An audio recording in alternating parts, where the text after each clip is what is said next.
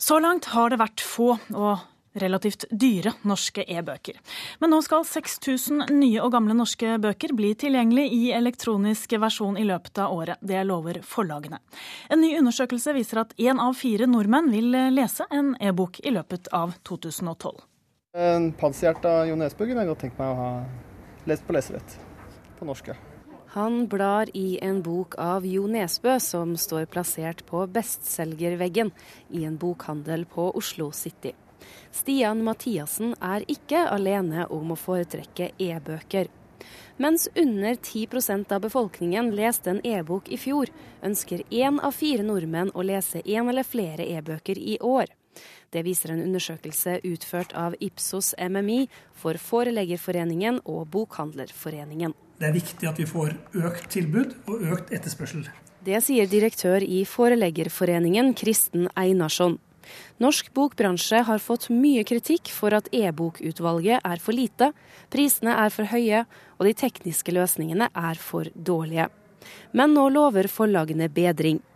De forventer at 6000 e-bøker vil være tilgjengelig på norsk mot slutten av året, mot 2000 i dag og 75% av de nye bøkene vil komme ut samtidig som papirbok og e-bok, sier Einarsson. Norske forleggere ønsker at alle titler skal være tilgjengelig i alle formater, i alle kanaler. Det er utgangspunktet. Og nå gjør man altså da de investeringene som er nødvendige for å få e-publiseringen på plass. Da. Altså For det første så har bransjen ligget etter teknologisk. F.eks. på digitale læremidler har man jobbet vanvittig mye i ti år. Altså, grunnen har vært en kobling av punkt én. Eh, markedet har ikke vært særlig stort i Norge til nå. Punkt to. Eh, den som har drevet utviklingen andre steder, er teknologiselskaper. Som har forsøkt å skaffe seg monopol ved å, å selge innhold veldig billig. Amazon startet jo med å tape tre dollar på hver bok de, e-bok de solgte. I Norge så har vi hatt en mer kontrollert utvikling. Vi har, vi har forsøkt å, å, få på plass alle rettigheter med alle forfattere. Vi er opptatt av at det er de som er, skal leve av innholdet fremover, som er med å styre utviklingen. Ikke de som prøver å få gratis innhold eller så billig innhold som mulig. Derfor har det tatt litt tid, men nå begynner dette å falle på plass, og nå kommer det. Knut Løyland ved Telemarksforskning har forsket på norsk bokbransje. Han mener forlagene må kjappe seg for å hindre at norske e-boklesere havner hos utenlandske nettbokhandlere. Jeg tror det er eh, svært viktig, fordi at eh, markedet for e-bøker øker stadig vekk. Og tilbudet blir større, spesielt av engelskspråklig og også annen språklig litteratur. Og det etterspørres betydelig større andel eh, fremmedspråklige e-bøker enn norskspråklige. Derfor er det viktig at uh, Forleggerforeningen og andre tilbyr en stadig større mengde norskspråklige e-bøker, og så ikke minst da til en konkurransedyktig pris. Hos Tannum bokhandel på Oslo City har kundene ulike ønsker for e-boka. Jeg, jeg, jeg, tenker ofte kanskje at uh, kokebøker kunne vært bra. Det kunne vært en fin ting. Uh, for da kan du liksom bare slå det opp uh, der du er, og bruke det, kanskje. Slipper å liksom lete gjennom bokhylla. Ja, det var reporter Eirin Venås Sivertsen som hadde vært i bokbutikken, og kommentator Agnes Moxnes. Alle har noe de ønsker seg. Får de det nå? Ja, Smått om senn virker det jo som de gjør det. E-boksatsingen i Norge har ikke vært Eh, den har ikke vært styrt av en kontrollert utvikling. Altså det er en kontrollert utvikling, men det har vært en kontrollert utvikling med fulle bremser eh, på. Eh, det kan vi se både med hensyn til hvor mange titler som er gitt ut, hvilke bøker, og ikke minst i den veldig kompliserte måten man kan, har kunnet skaffe seg en norsk e-bok på. Så nå skjer det ting, endelig. Og Hvordan vil du beskrive omfanget på det som skjer nå, da? Altså, Det er ikke veldig mange månedene siden jeg snakket med en norsk forlegger som sa at dette med e-boka det er sterkt overdrevet, det kommer til å ta veldig lang tid. Men den undersøkelsen som bransjen selv offentliggjør i dag, den viser jo at Norge nå er i ferd med å bli et eh, land av e-bokforbrukere. Og, og, de fleste mediehus i hele verden vet at det er det som skjer nå. Under utallige juletrær eh, i år så lå det lesebrett, og det er de som skal eh, brukes nå. Så det er apparatet som skulle til for at vi eh, fant ut hvor, hvor, hvor interessant dette var? Hva sa du nå? Det var apparatene som skulle til? Ja, det er klart det er apparatene som skal til, og de blir jo også nå rimeligere og rimeligere. Så det vi ser nå, det er jo at den norske bokbransjen viser, slags, viser at de også har e-bokmuskler. Men det skulle jo skjedd for lenge siden. 6000 e-bøker i løpet av året er vi lovet. Er det mye? Det er 75 er det ikke det det blir sagt nå av det som kommer til å, eller som skal komme ut. Det er 25% for lite, egentlig. Det bør være heldekkende. Men hvorfor skjer dette nå, tross alt? Altså Det skjer akkurat samtidig med at det i dag, om halvannen time fra nå av, åpner et bokbransjeseminar i Oslo. Hensikten med det seminaret det er å fortelle hvor viktig det er med en boklov i Norge. Eh, en boklov som sikrer faste priser på alle bøker som gis ut i Norge, både papirbøker og e-bøker. Men for å overbevise politikerne om eh, at dette er en god idé, og da i særdeleshet kulturminister Anniken Huitfeldt, så må altså bokbransjen vise at de faktisk ønsker denne e-boka velkommen. Og da kan de ikke sette prisene altfor høyt, men passe høyt? Ja, altså Det vi vet, da, det er at e-boka truer den norske bokhandelen. Det er det ingen som helst slags tvil om. Det er vi nødt til å regne med. Men det som er det utfordrende for norske politikere, det er at de store norske forlagene også er de som eier bokhandlerne i Norge. Så nå er situasjonen at eh, det er de samme stemmene som snakker på vegne av forlagene, som snakker på vegne av distributørene, og som snakker på vegne av bokhandlerne.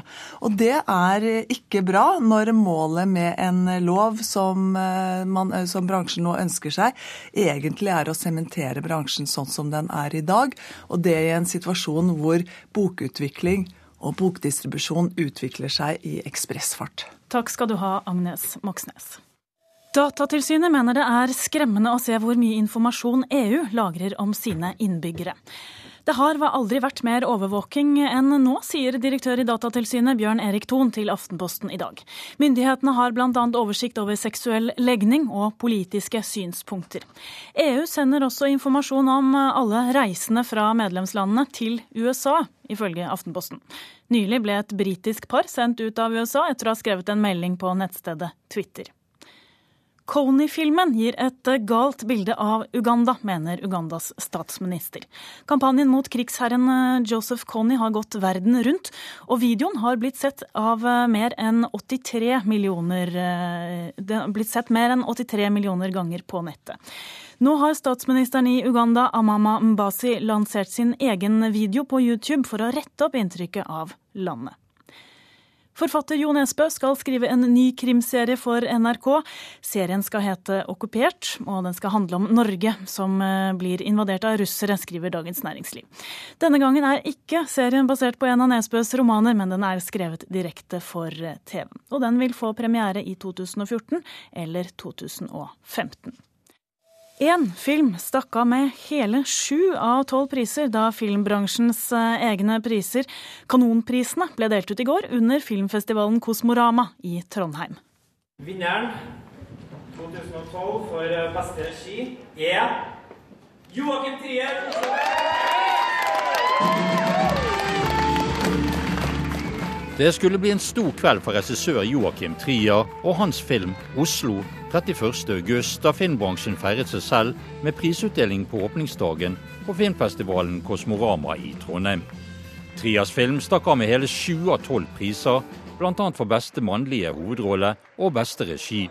Ja, nei, Det er veldig mye. Vi er veldig takknemlige. Det som er litt gøy med, med Kanonprisen, er at det ligner litt på liksom det er Academy Awards i den forstand at det er folk som stemmer på det. Dvs. Si, um, regissørene stemmer på regissørene, klipperne stemmer på klipperne. Det er fagorganisasjonene som stemmer frem disse prisene. og Derfor er det en sånn eh, kollegialt, veldig hyggelig ting å få, få den um, æren fra sine kollegaer i bransjen. Det er veldig hyggelig med dette. her. Så dette betyr noe for deg? Altså, Jeg tror jo egentlig ikke på konkurranse i kunst, men det er jo et slit å lage film, og ting går opp og ned, og man vet aldri om det helt skal funke. Så er, man må ta disse gledene her med seg. altså, virkelig, ja. Hva blir nå ditt neste prosjekt? Jeg jobber på en ny film som jeg akkurat har skrevet et nytt manus til, og vi håper det går i opptak til høsten. Så jeg er midt i den der nevrotiske fasen hvor man lurer på hvordan skal dette gå osv. Så, videre, så dette her kommer veldig godt med. da. Prisen for beste mannlige birolle ble delt mellom Svein Nordin for 'Sønner av Norge' og overraskende nok NRK-programleder Hans Olav Brenner for hans innsats i nettopp Oslo 31.8. Det føles veldig veldig bra. For en som aldri vant eh, noen pokaler i idrett, så er det veldig gøy å vinne priser som voksen. Men dette med skuespillet og deg, du er jo kjent fra fjernsynsskjermen, ikke fra film? Nei, og jeg er jo veldig forsiktig med å ta veldig mye ære, for jeg føler at jeg har levert litt råstoff til en veldig bra film. og er veldig takknemlig for at jeg fikk være med i den. Eh, og jeg sender varme tanker til klipperen som har klippet seg rundt de vonde og vanskelige tingene jeg leverte, og laget et fint resultat. Så jeg føler at jeg er veldig på besøk i den verden her. Ja, Det sa til slutt Hans Olav Brenner, kjent fra TV.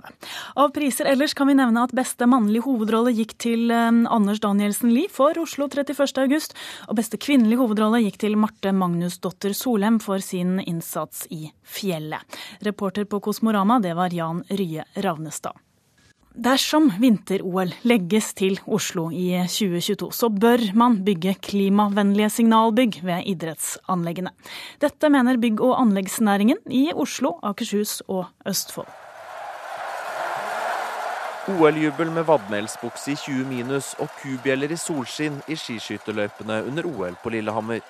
Hvis Norge får lekene i 2022, kan det jubles i et klimavennlig tribuneanlegg for utøvere som bor i energisparende deltakerlandsbyer. Og det vil kanskje føre til enda mer jubel, i alle fall for Entreprenørforeningen for bygg og anlegg i Oslo, Akershus og Østfold. De utfordrer nå Oslo kommune til å bygge eventuelle OL-anlegg på en bærekraftig måte, sier styreleder Kjetil Toning. Og da tenker vi på miljøriktige og energieffektive løsninger, eh, og også innovative løsninger som vil bringe bransjen videre. På neste idrettsstyremøte vil idretten etter all sannsynlighet gå inn for å søke om et OL i Oslo i 2022. Og selv om det er en lang vei å gå, vil man bli nødt til å trappe opp planleggingen. En ny skøytehall på Valle, skiskytteranlegg i Lillemarka, en stor deltakerlandsby og et pressesenter er mulige storprosjekter i milliardklassen. Vi tenker både på det vi kan gjøre av tiltak under byggeperioden, men også på at de byggene vi etterlater oss skal være miljøvennlige også for framtiden. Dere frykter ikke at dette vil bli veldig veldig dyrt? da? Vår erfaring er at eh, med god planlegging så kan vi senke byggekostnadene. Eh, hvis vi er for sent ute i byggeprosessen, så blir det ofte dyre prosesser. Det er om å gjøre å bruke god tid til å planlegge i forkant av byggets utførelse. Idrettsbyråd Ola Elvestuen fra Venstre tar utfordringen fra byggenæringen. Nå er vi allerede i dag, når vi bygger så har vi høye miljømål. Og skulle det nå bli sånn at det blir en søknad også om et OL i 2022, eh, så er det selvsagt at det må være med veldig høye miljøkrav. Dere frykter ikke da en økt prislapp? Vi må selvfølgelig være, være ambisiøse, og det å ha strenge miljømål eh, kan være dyrere når man bygger, men vil selvfølgelig lønne seg over tid. Og styreleder Kjetil Tonning i Entreprenørforeningen tror det vil bli internasjonal jubel og vekke oppsikt hvis de får sine ønsker igjennom. Norge har allerede et godt renommé når det gjelder miljøriktig bygging, og nå har vi en gyllen anledning til å vise at vi også kan bygge idrettsanlegg miljøriktig. Det sa Kjetil Tonning i Entreprenørforeningen til reporter Simon Skjelbostad Yseth. Forlegger Arve Juritzen tar en ny runde i retten med en eh, bok som er pakket inn sånn at den ligner sjokoladen Kvikk Lunsj. I 2009 saksøkte selskapet Kraftfoods Juritzen for å ha brukt fargene på papiret til Kvikk Lunsj på boken Påskekrim. Etter å ha tapt striden mot Kraftfoods i Oslo tingrett i 2010, anket Juritzen dommen. Og saken skal nå opp i lagmannsretten på torsdag. I dag blir det klart hvem som vinner den internasjonale Ibsen-prisen. Vinneren blir annonsert på en pressekonferanse på den norske ambassaden i Berlin klokken halv elleve. Prisen kan bli verdens viktigste teaterpris, sier Jon Fosse til Dagsavisen. Og han vant prisen i 2010.